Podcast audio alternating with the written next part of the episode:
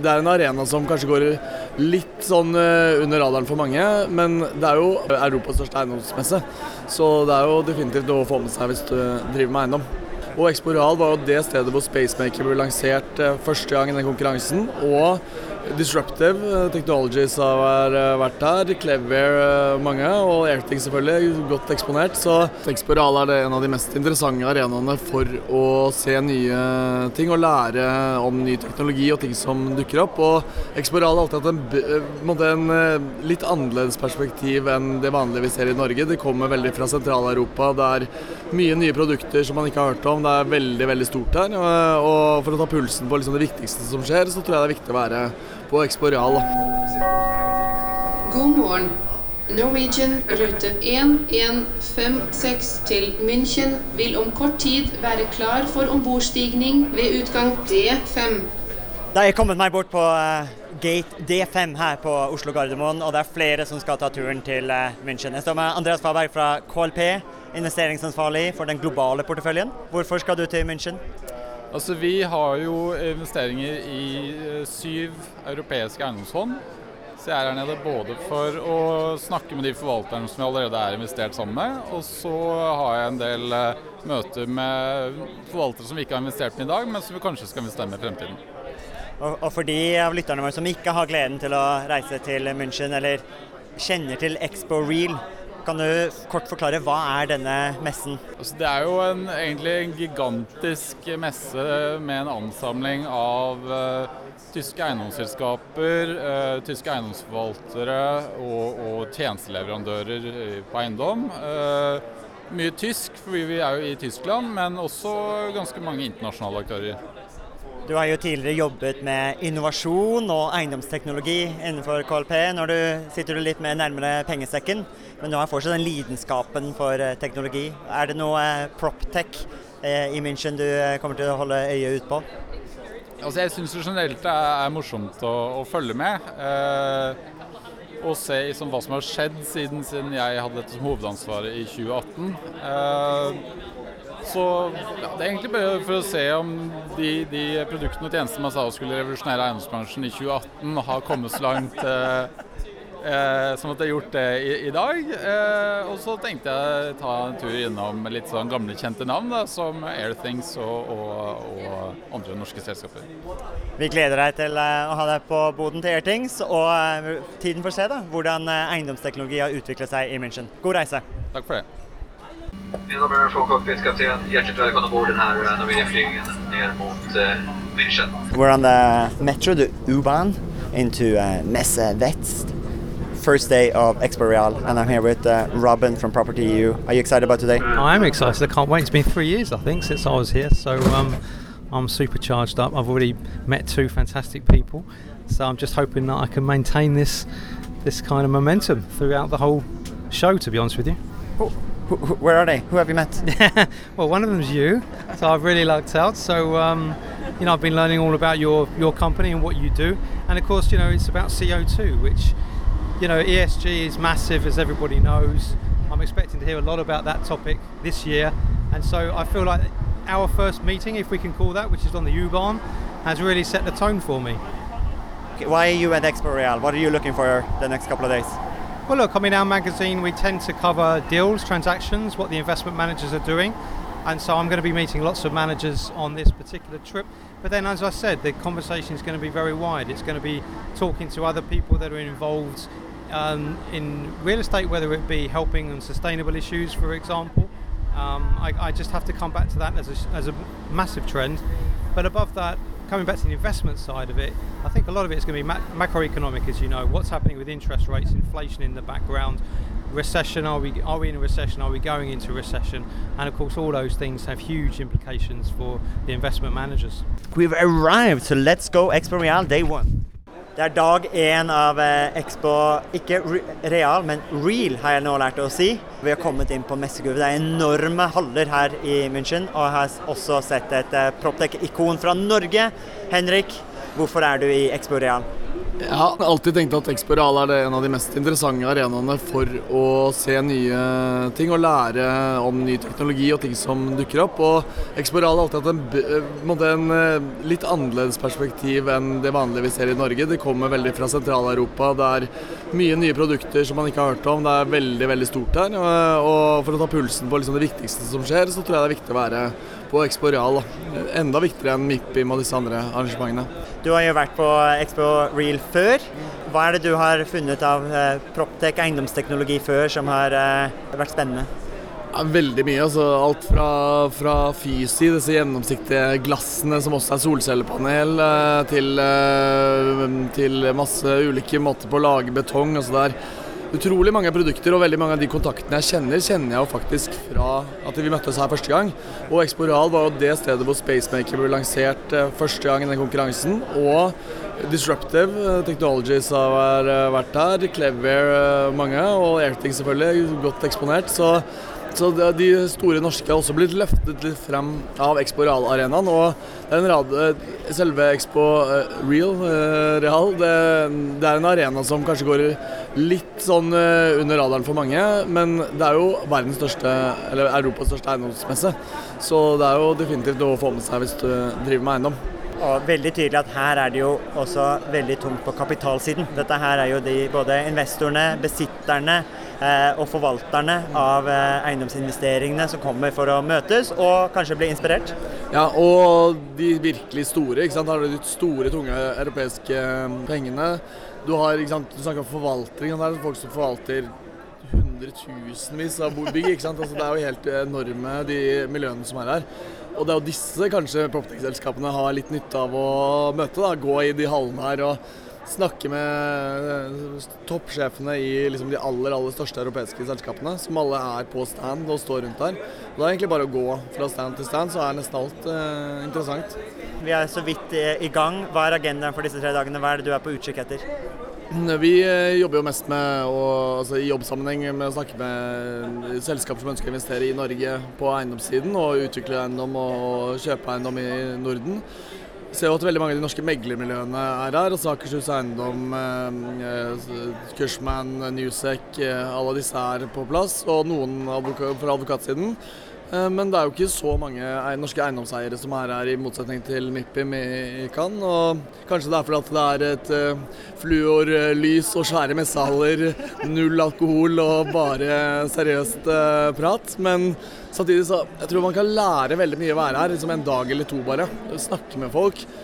Ordentlig liksom seriøst opplegg hvor du kan snakke med folk med virkelig faglig tyngde. Det har man godt av. Det er jo også noen eh, aktiviteter eh, fokusert på eiendomsteknologi.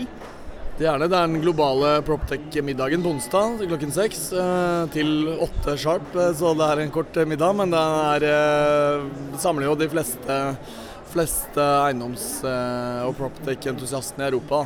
Så det er vel verdt å få med seg hvis man er en Proptech-selskap eller interessent. Du må løpe videre til møtet, men vi ses i hvert fall på Global Proptech-middagen i morgen. Det gjør vi. Selvfølgelig er norske selskaper eh, representert på, her på Expo Real, og jeg sitter nå med daglig leder i Airtings, Øyvind, har det vært en bra dag? Det har vært eh, utrolig bra dag og bra dager. Eh, tre dager her nå med fullt kjør. Veldig mye interesse. Men vi har jo hatt med oss noe veldig spennende på flyet fra Norge til München. Hva er det vi har hatt med i lommene? En, lommene fulle av det, vårt nye produkt, Space CO2 Mini. Helt fantastisk eh, banebrytende produkt eh, med mer enn ti års batterilevetid. Hvor du kan lese av CO2-nivå, fuktighet, temperatur, trykk, lys og støy. Du kan også få eh, occupancy, som på norsk ville vært eh, Tilstedeværelse. ja, tilstedeværelse og virusrisiko. Eh, alt i denne samme, samme devicen. Vi sitter jo med en sånn Space CO2 Mini nå i hånda. Den er jo virkelig mini. Den er jo under 8 cm i eh, diameter. Hvordan har vi greid å dytte inn så mye i en så liten forpakning? Er, eh, vi har et fantastisk engineering team eh, i Oslo som klarer å få til helt ut, utrolige ting. Vi bruker banebrytende, helt ny sensorteknologi som vi, vi, vi setter inn i disse devicene. Som bruker utrolig lite energi til å kunne få ti år pluss Yes. batterilevetid. Absolutt. Eh, og det er eh, Sender data til skyen hvert, eh, hvert, hvert andre minutt, eller to og et halvt minutt. eh, sender vi data til skyen, så du kan bruke dataen til å også styre bygget. For det er vel et eh, tydelig steg som også har resonnert med publikummet her, som er redde for høyne energipriser, finansieringskostnader går ned, de må optimalisere og effektivisere byggene sine. Hvordan passer Space CO2 Mini inn i en slik satsing? Ja, det er klart. Airtings, vi startet jo med å monitorere luften. Altså Man får en oversikt hva skjer, og hva kan man gjøre av manuelle justeringer i bygget sitt. Fordi at man ser f.eks. det er overventilert, eller det er for kaldt eller for varmt i forhold til hva det burde vært. Men nå så kan vi også styre byggene. Så det vi har veldig eh, real-time eh, eh, sensordata som gjør at vi kan integrere dataene inn i et ST-system eller BMS-system i bygget f.eks. Eller vi kan gjøre dette på en enda enklere måte og, og faktisk styre bygget i, i real-time. Hva slags bygg er denne løsningen spesielt egnet for i disse tider? Det er kontorbygg, og det er skoler og andre, andre bygg. Og kanskje spesielt de byggene som allerede finnes?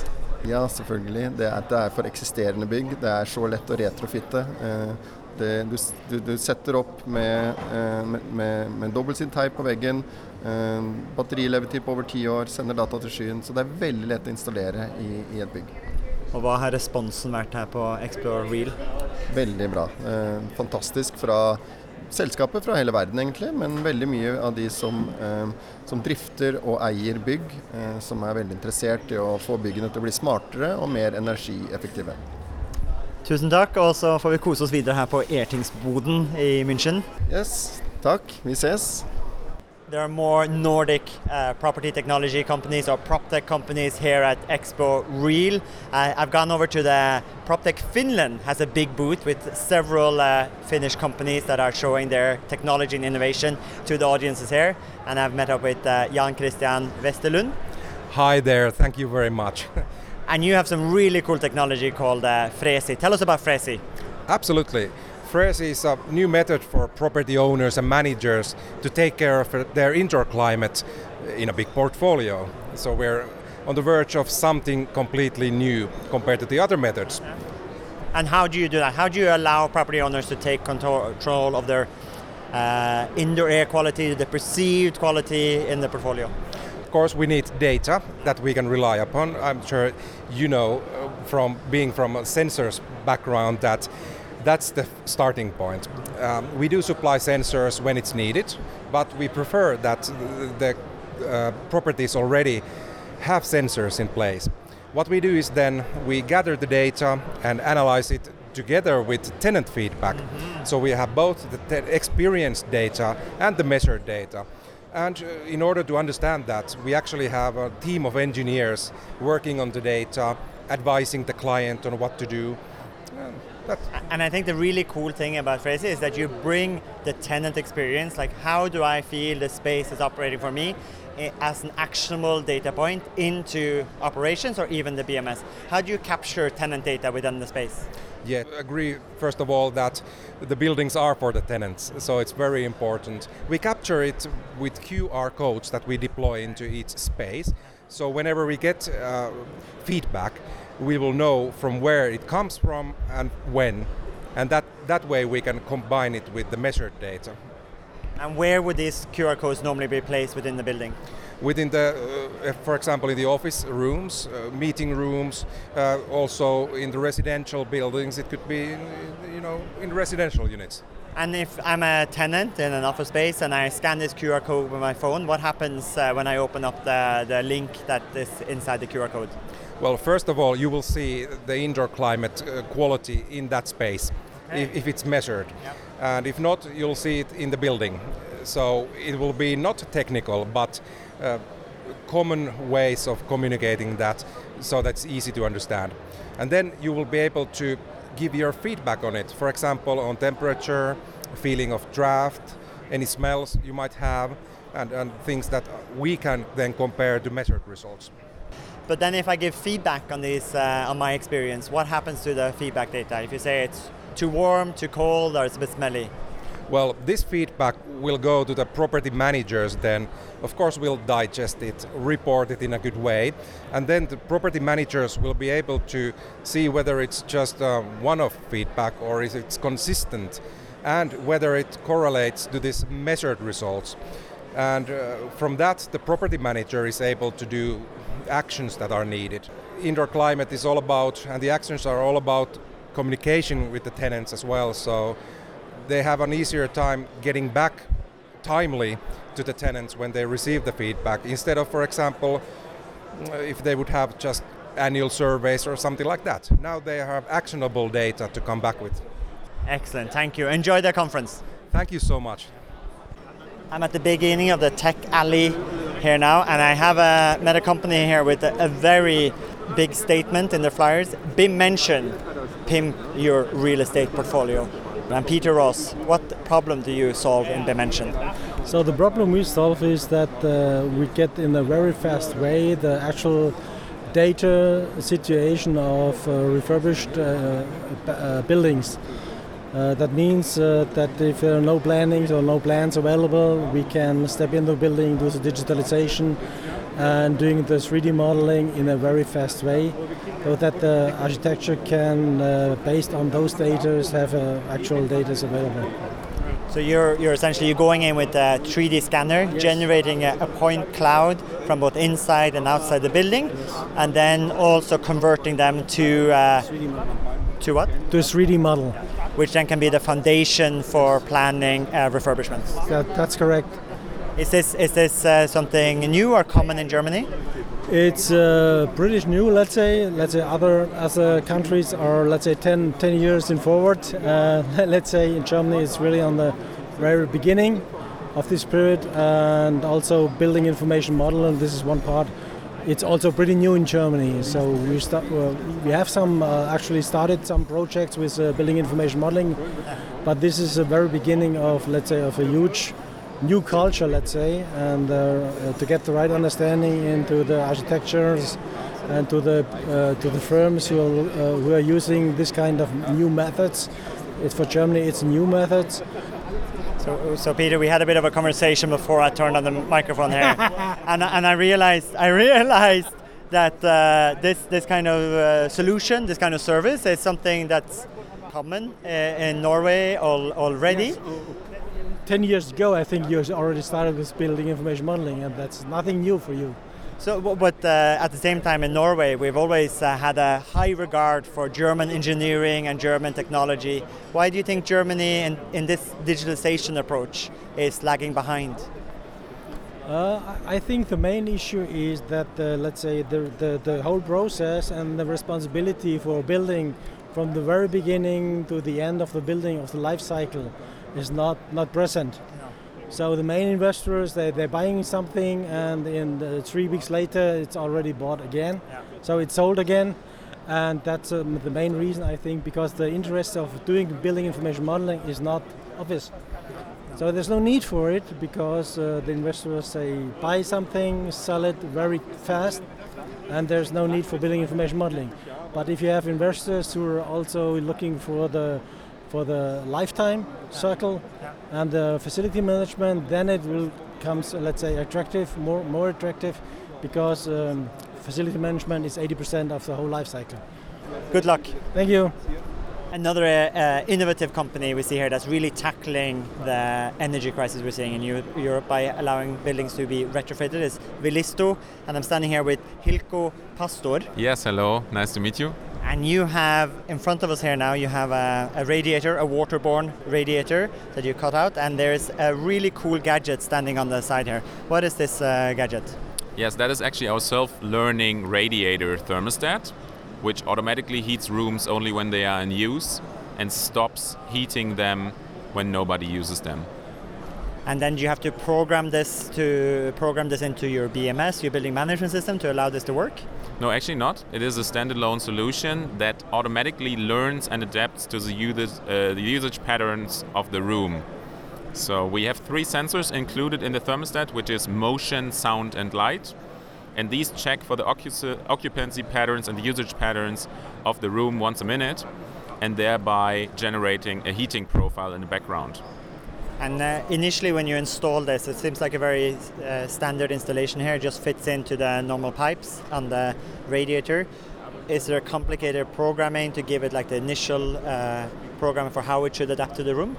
No, actually not, because we just install the system. It takes two weeks for an initial learning phase, and after that, we, we switch to the heating based on the algorithm, and then it heats automatically. So it literally is a self-learning, decentralized control of the radiator. Yes, that sums it up.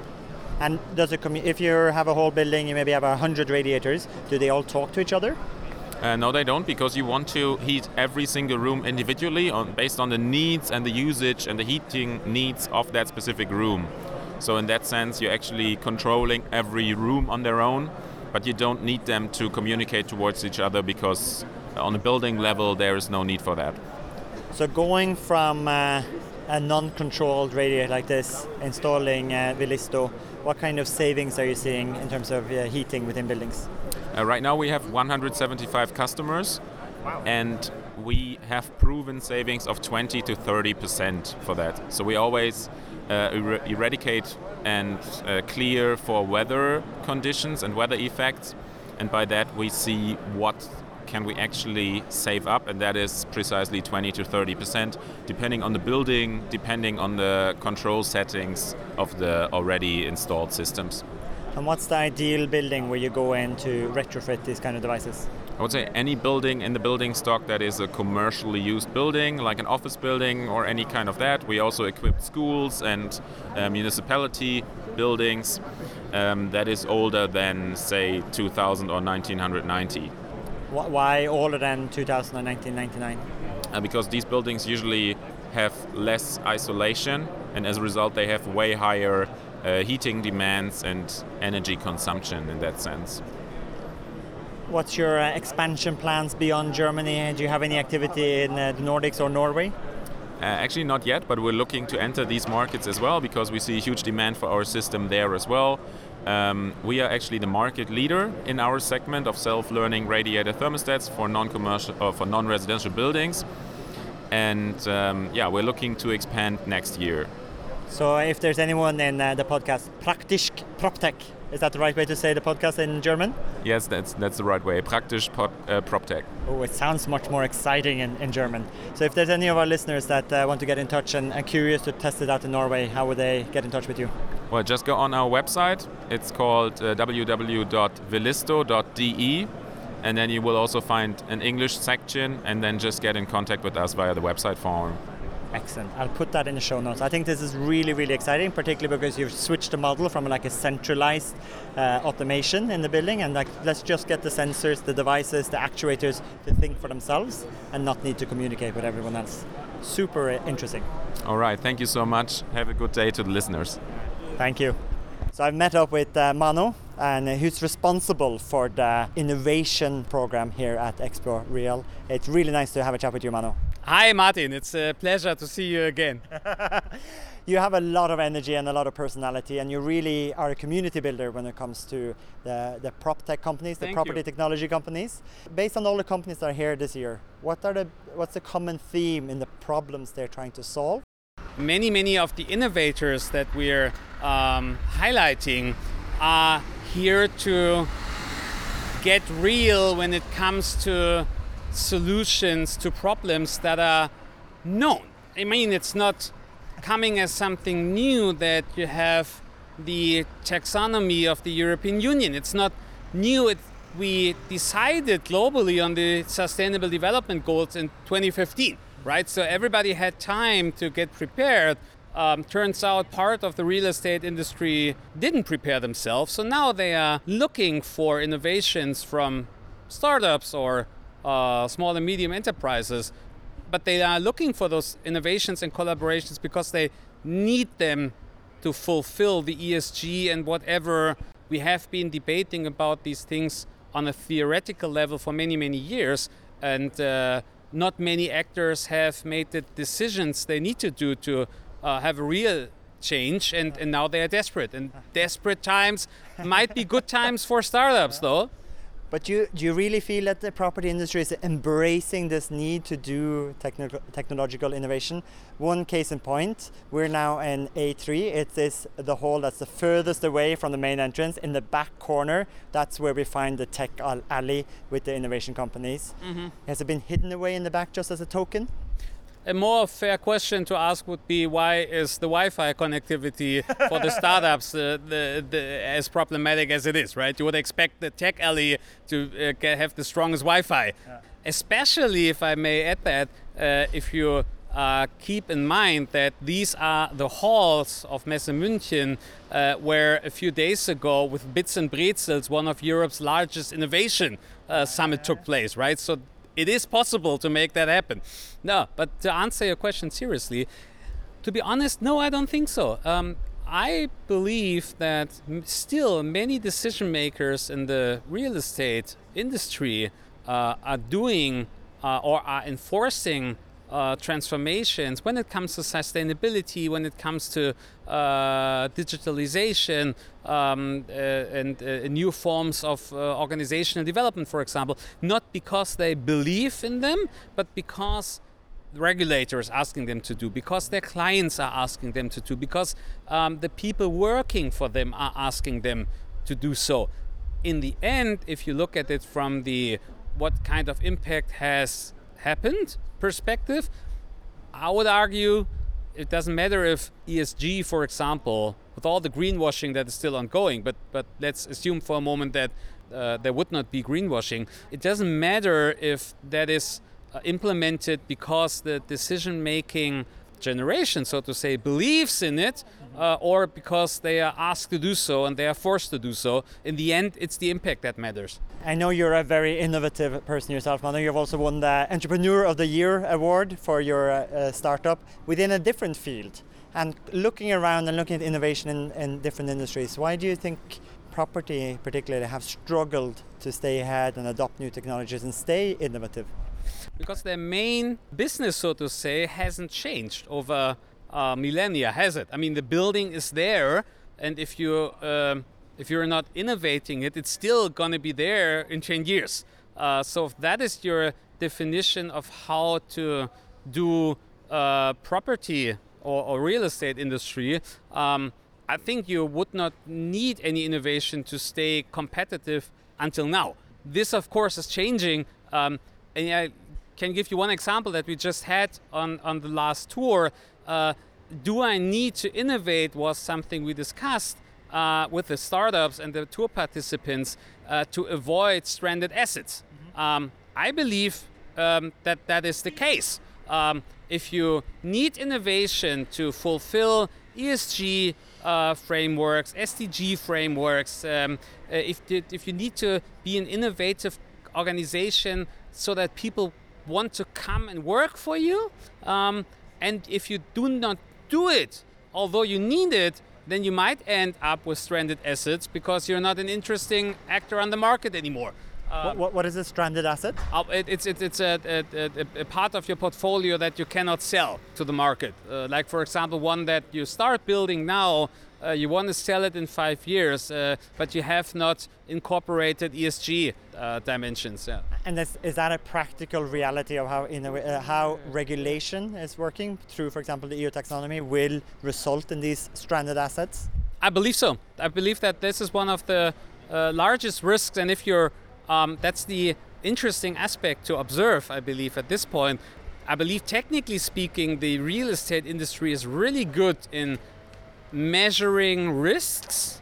Um, so if that definition of risk would be broadened up, if it would include taxonomy and ESG, um, if it would include uh, how do I stay um, uh, uh, an organization that people want to come and work for? How do I stay interesting for my clients, right? And uh, all these things are happening, but everything that is in this hall um, and classified as innovation, think of it as a tool to support your risk management. In this way, I believe it might make more sense for people coming from this conservative real estate industry because they, they always were thinking about risks, right? They always had their insurances. This is next to shipping one of the industry that was uh, at the birth of, of, of, of insurance uh, uh, as a business model, right? So just broaden your definition of risk. Think of what non-innovating might be uh, uh, uh, as a risk, uh, and then you have a good understanding of why you need these innovations. So the solution for the innovation problem in property is to term it in terms of risk, add the risk, uh, broaden the definition of risk, and then we will see them actually catching up and be more curious about the I believe technology. so. I believe so. Not for everyone. There are people out there, uh, and I met them every year, who just see the beauty of innovation and making things in a different, more sustainable, more inclusive way. But for the rest, yes, framing it as a risk might be the smartest thing to do. So with that tip, I think you have a new crowd waiting for your uh, very popular innovation tour. Uh, thank you for talking to us. Thanks for having me, Martin.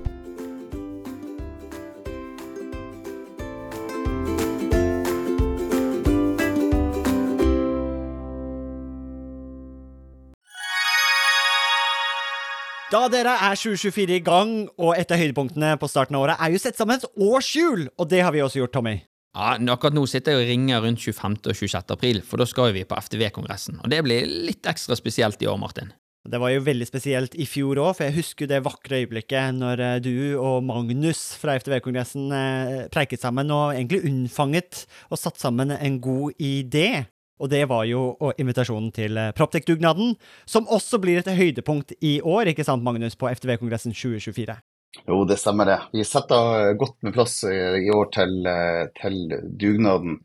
En god og sprø idé for å sette praktisk proptech ut faktisk i livet og vise hva vi får til, ikke bare fortelle. Det var, jo, det var jo veldig gøy, for jeg husker da jeg skulle pitche dette til deg, så tror jeg du avbrøt meg og bare sa 'vi er med'. Og når vi var på dugnaden, så sa du òg at Tommy, dette her må vi ta med oss tilbake på FTV-kongressen.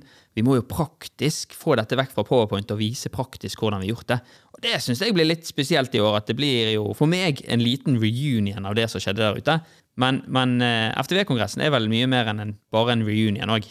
Jo da, det er en møteplass for eh, FTV Norge, og vi ønsker å skape det til en, en god møteplass for FTV Norge, som, som tross alt tar vare på Norges største fastlandsnæring. Og da skal vi da skal vi ha en god arena å møtes for å se på felles eh, utfordringer og problemer, men ikke minst hvordan vi kan løse ting fremover. Og så blir eh, dugnad en sånn eh, bekreftelse på hvordan vi faktisk eh, kan gjøre det, istedenfor å stå og bare høre om hvordan vi kunne ha gjort det. Det er veldig kult. Og januar er jo en gavemild måned, så hvis du brenner for bedre drifting av bygg, så kan du få med deg en liten eh, rabattkode her også, så møtes vi kanskje 25.-26. april på Tung kongress Gardermoen, og den rabattkoden er ikke vanskeligere enn Praktisk Proptech med små bokstaver og uten mellomrom. Praktisk Proptech. Praktisk Proptech, små bokstaver, ingen mellom ett ord. ftvkongressen.no, der ser du programmet, det blir oppdatert i disse dagene, og så møtes vi i april. Vi Vi ses!